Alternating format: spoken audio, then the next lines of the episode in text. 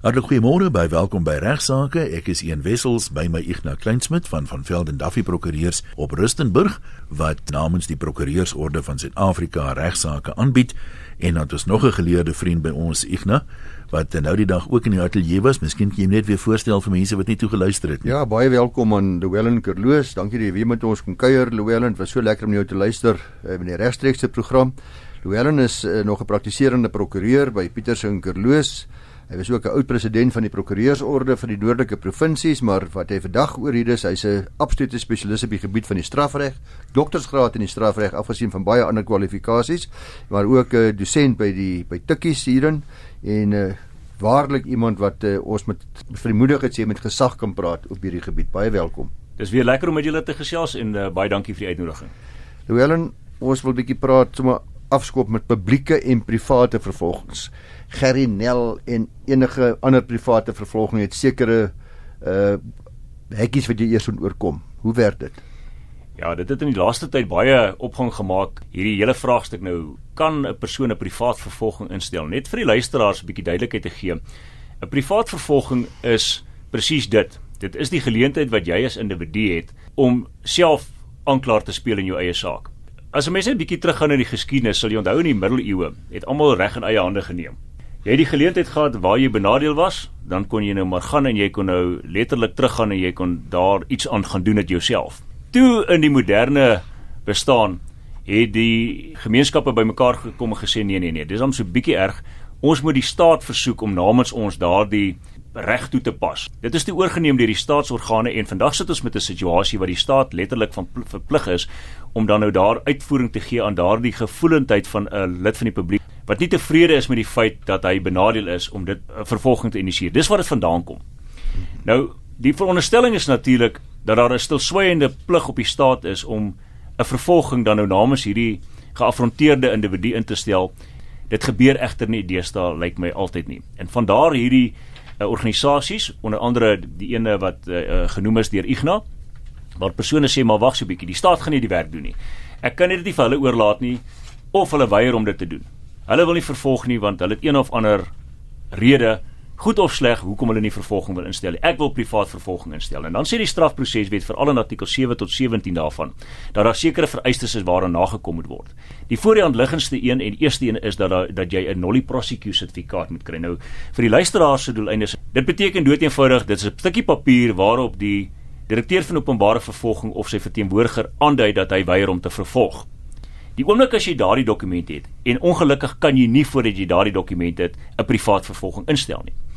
As jy dit het, dan het jy 3 maande kans om dan nou hierdie vervolging van stapel te stuur. Sou jy jou 3 maande nie gebruik nie, dan is daar natuurlik weer die vereiste dat jy van vooraf 'n nolli prosecu sertifikaat voor moet aansoek doen.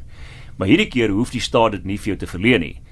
Op die veronderstelling jy het jou geleentheid gebruik en 'n privaat vervolging geïnisieer, dan moet jy sekuriteit stel by die klerk van die hof, vir die strafhof, sodat indien daardie persoon die beskuldigde dan uiteindelik dalk onskuldig bevind word, sy regspan en hy self vergoed kan word uit daardie sekuriteit wat jy gestel het. Dit is om te voorkom dat elke Jan Rapp en sy maat nie dood eenvoudig elke dag na ons howe storm en aandring op privaat vervolgings nie. Met ander woorde, jy moet baie baie baie seker wees van jou saak voordat jy dit enigsins oorweeg om 'n privaat vervolging in te stel. Dit is boonbehalwe natuurlik hierdie vereistes wat ek sopas genoem het waaraan uh, voldoen moet word. Maar die interessante hieraan uh, een is en dit is maar so eie in ons staat.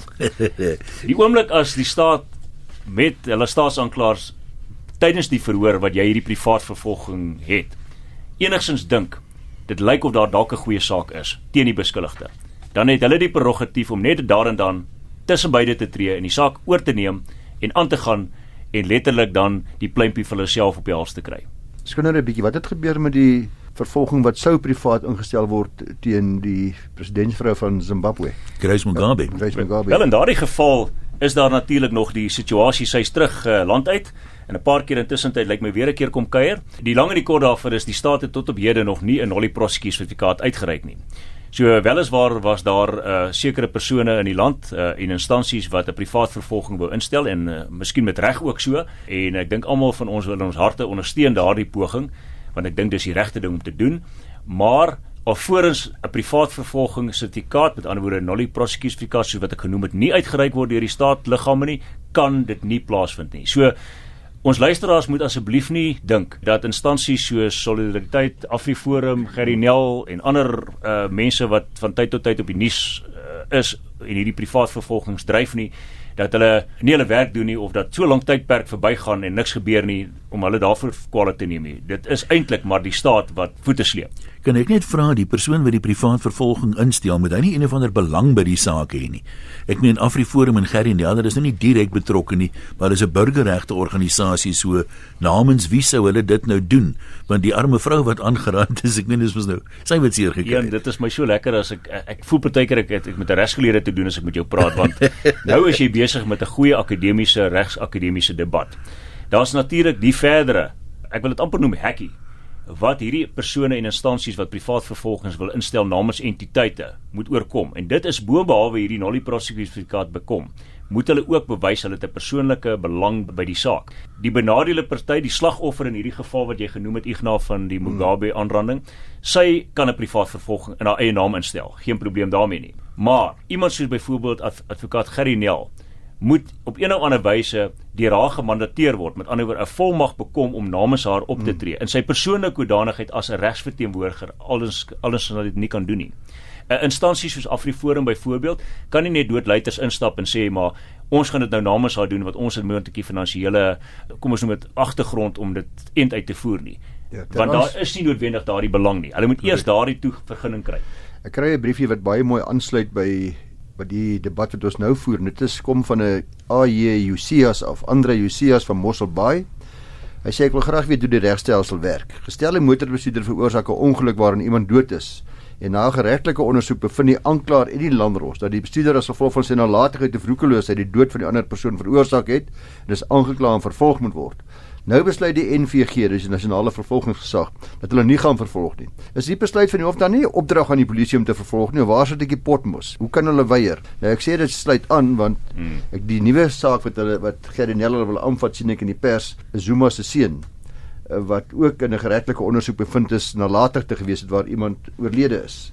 En hy vra hierdie luisteraar vra nou is die staat dan nie verplig dan om te vervolg? Daar is geen absolute verpligting op die nasionale vervolgingsgesag om te vervolg nie. Daardie diskresie is ongelukkig of gelukkig, hulle sin hulle hulle sin alleen in terme van die grondwet. As oppervoog van ons reg het die grondwet die bepaling dat die vervolgings diskresie uitsluitlik in die hande van die nasionale vervolgingsgesag uh, berus. In hierdie geval advokaat Shaun Abrams wat die wat die hoofopsigger en uh, groot basis in die verband. Hy maak die finale besluit in die verband. Maar mens sou dink met respek gesê teenoor die mense daar buite wat die besluite neem as 'n hof eenmaal besluit het en bevind het in 'n geregtelike doodsondersoek in Engels praat hulle van 'n inquest dat iemand opsigwaarde op die eerste oogopslag want dis die toets wat toegepas word. Prima facie baie keer in regsterme word na verwys aanspreeklik was met ander woorde nalatig was. Dan kan ek nie myself 'n geval indink dat die vervolgingsgesag net die dan die volgende voor die hand liggende maatreëls tref en dit is om 'n vervolging te initieer nie.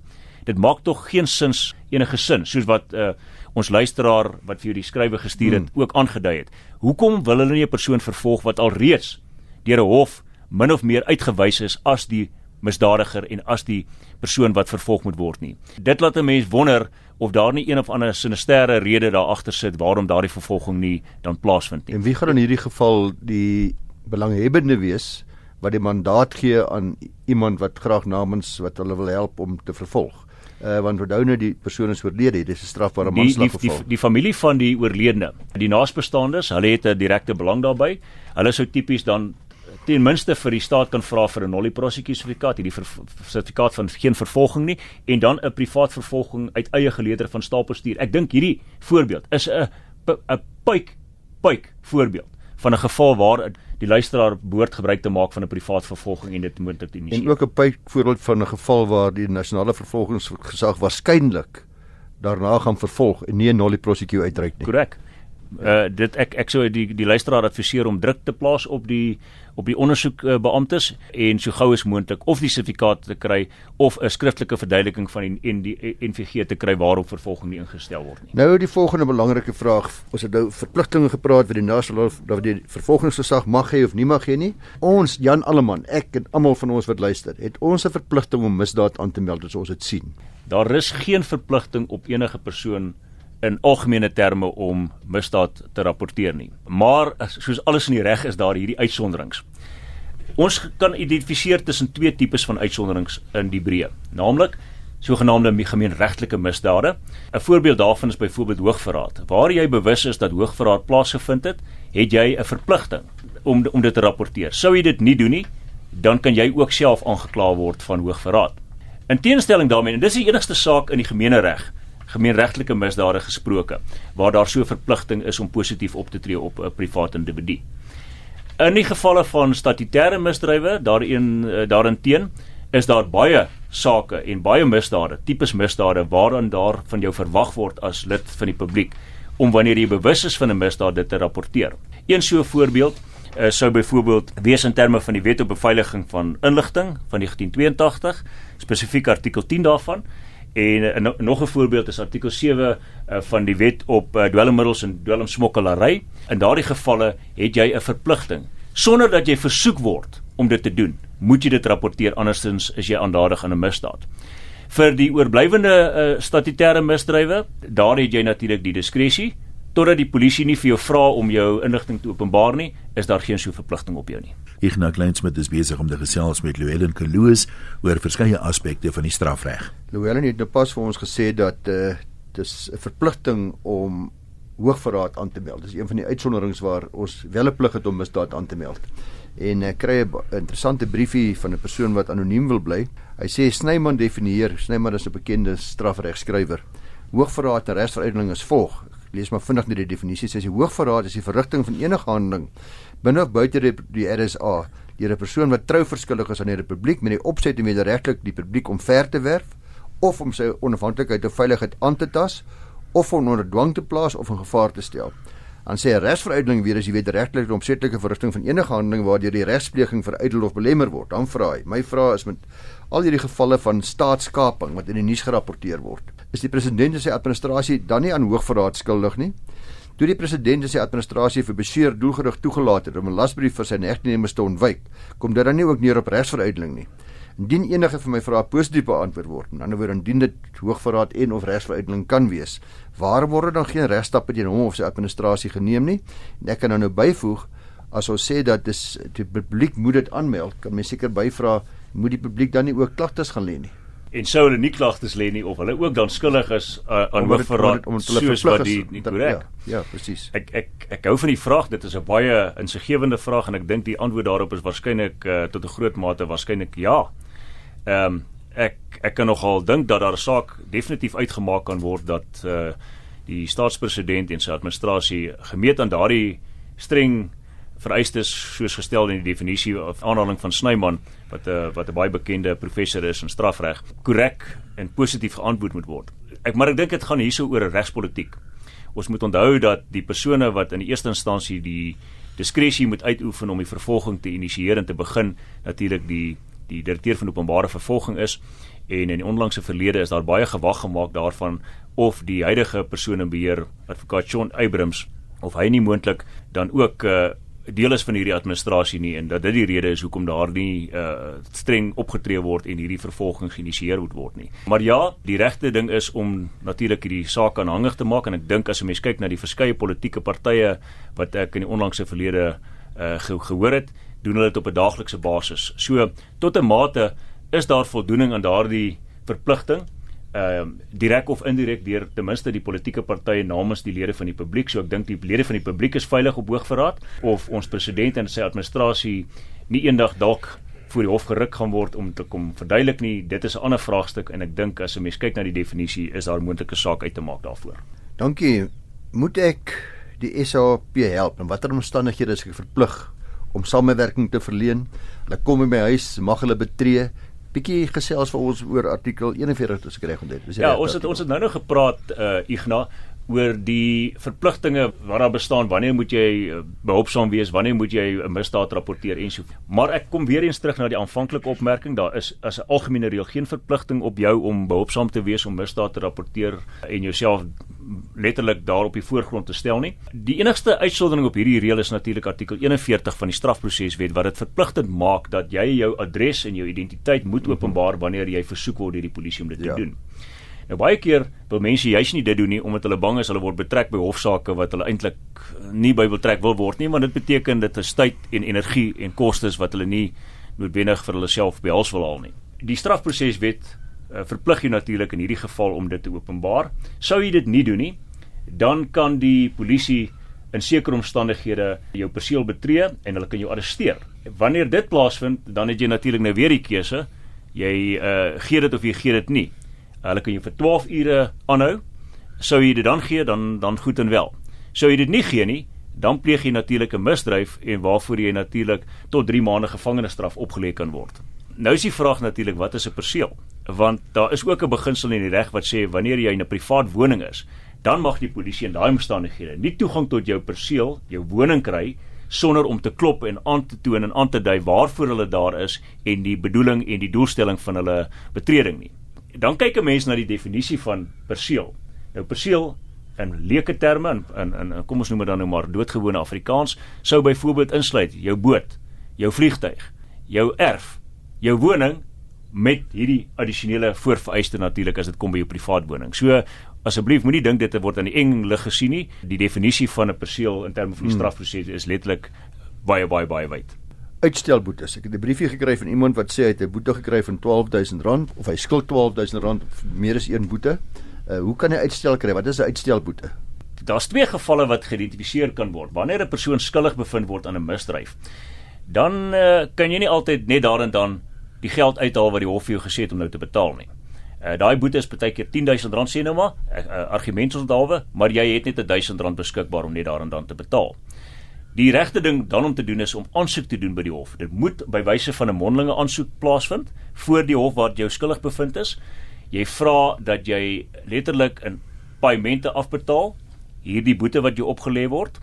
Die regte ding is om dan ten minste 'n bedrag te tender as deposito en dan 'n billike terugbetalingsreëling te tref wat vir die hof aanvaarbaar was. Ek moet duidelik vir die luisteraars sê, onthou hierdie is nie 'n Pick n Pay of 'n een of ander kettingwinkel. Ek het hulle landeros hoor sê die boete was R600 vir 'n dame vir verkeersoortredings en minagting van die hof.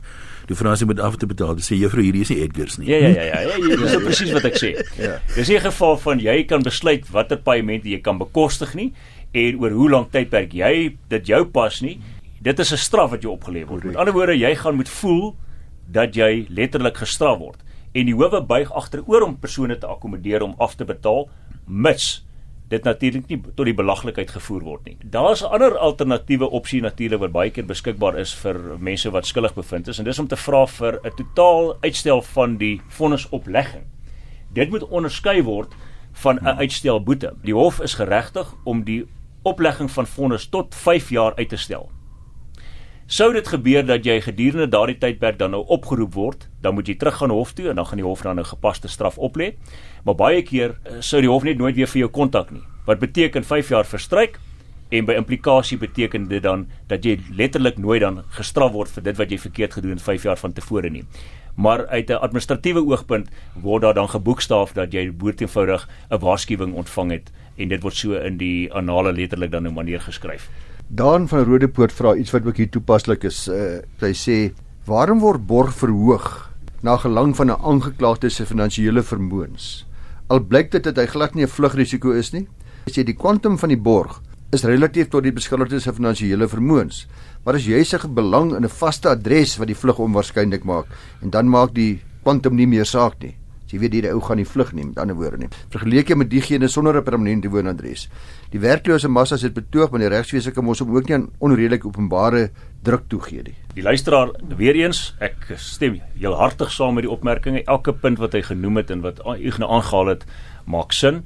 Uh dit is presies hoe die reg dit natuurlik uiteensit. Behalwe natuurlik dat baie mense met vaste adresse al gevlug het. Ja, is die probleem. Ek dink dit is jy jy som die probleemstelling korrek op Ek dink die enigste as uh, antwoord wat ek vir hierdie luisteraar kan gee behalwe dit wat hy reeds opgemerk het en wat ek heel hartig mee saamstem, is die feit dat gewoonlik het mense wat meer geld het makliker die geleentheid om dan op op die laaste oomblik te besluit om van plan te verander en hierdie vlugrisiko dan nou uh, letterlik aan uitvoering te gee. Daarom sal jy sien byvoorbeeld in die onlangse verlede is daar gevalle waar die howe selfs 'n miljoen rand borgtog opgelê het vir persone wat klaarblyklik finansiëel baie sterk is. Uh, terwyl daar byvoorbeeld vir vir geharde misdadigers en vir persone wat self skil uh, op die punt staan om uh, tereg te staan op byvoorbeeld moord, verkrachting en dis meer selfs in sekere gevalle 'n waarskuwing blootgegee word of R500 of 1000 of 5000 rand boete opgelê word. Dit is inderdaad so dat jou inkomste, jou finansiële posisie direk ekwivalent is aan die bedrag borgtog wat vasgestel kan word. Maar dit gaan hier oor die risiko wat vir die staat daar bestaan. Uh, as jy as 'n uh, ryk man in leuke taal skielik uitvind jy gaan môre dalk skuldig bevind word en jy gaan dalk lewenslank tronk toe. Wat verhoed jou om op die eerste beste vliegtuig te klim? 'n Persoon wat nie die nodige uh befondsing het nie, daardie persoon kan nie dood eenvoudig selfs op die laaste nippertjie reëlingstref vlugkaartjies kry om oorsee te vlug en dies meer nie. En dit is waar die die beginsel vandaan kom. Ons uh, kan nog so een of twee klein kortetjies uh, doen, Ignas. Ja, ons kry skrywe van PC Fourie. Hy sê daar's 'n reg wat verhoudings tussen die staat en die publiek reël. Jus publicum. Strafreg is tog 'n gedeelte van die publieke reg sê hy bepaal tog watter feite strafbaar is en die strawwe daarop van toepassing. Die publiek verteenwoordig tog dan die totale bevolking of al die inwoners van 'n land.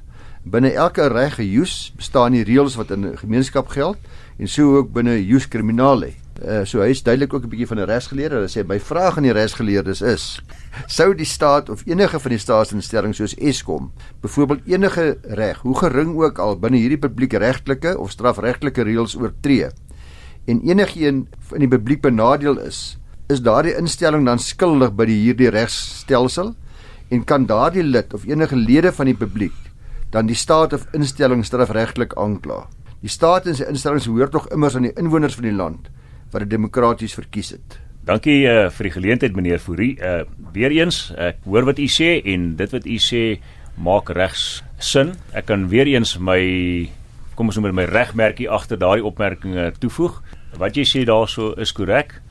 Die beginsel is natuurlik so in die strafprosesreg dat voorsiening gemaak word daarvoor dat entiteite as ek praat van entiteite dan praat ek van selfsmaatskappye, beslote korporasies, verenigings, trusts en dis meer natuurlik voor stok gebring kan word met ander woorde strafregtelik vervolg kan word omdat hulle in daardie hoedanigheid 'n misdaad of gepleeg het of natuurlik uh, behulpsaam was met die pleging van 'n misdaad.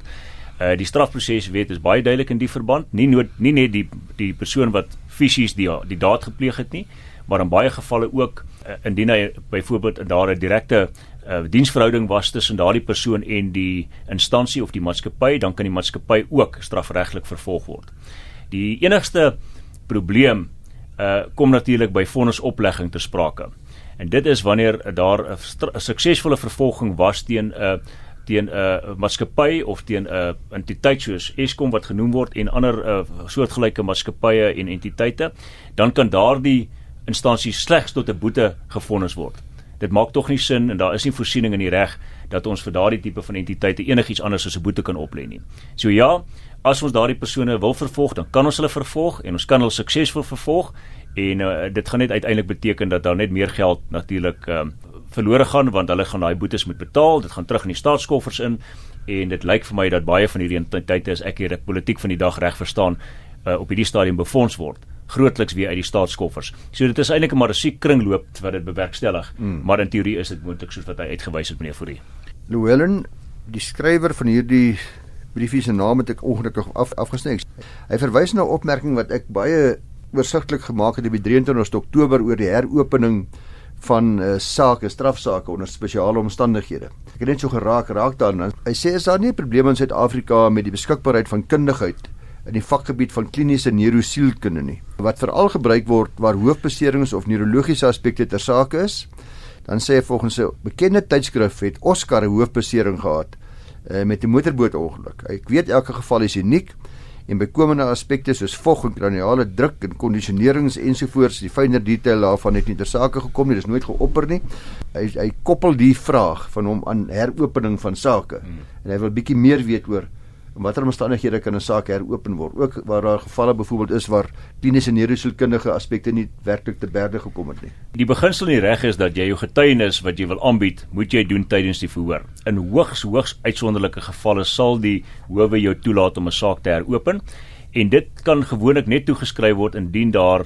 'n rede was waarom dit in die eerste instansie nie voor die hof gedien het nie. Die voor die hand liggendste voorbeeld daarvan sou wees indien jou regspan nie die nodige kundigheid gehad het om 'n behoorlike saak vir jou te, te behartig nie. In my in my beskeie mening is dit omtrent een van die min of enigste gevalle waar in die verlede die heropening van staatssaak toegelaat is. Uh, selfs desnoods op 'n uh, hersiening of 'n appel later.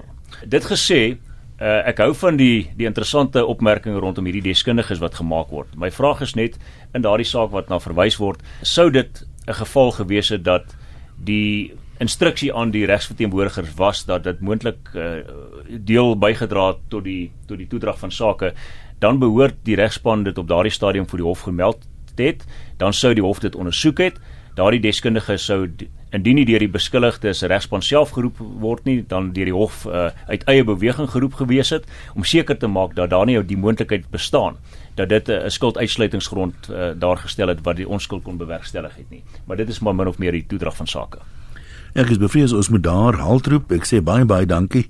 Die strafreg is nou maar een van daai goed wat mense dink ek meer belangstel in en dit wils ook meer kennis van het as uh, maatskappyreg en hierdie tipe van dinge.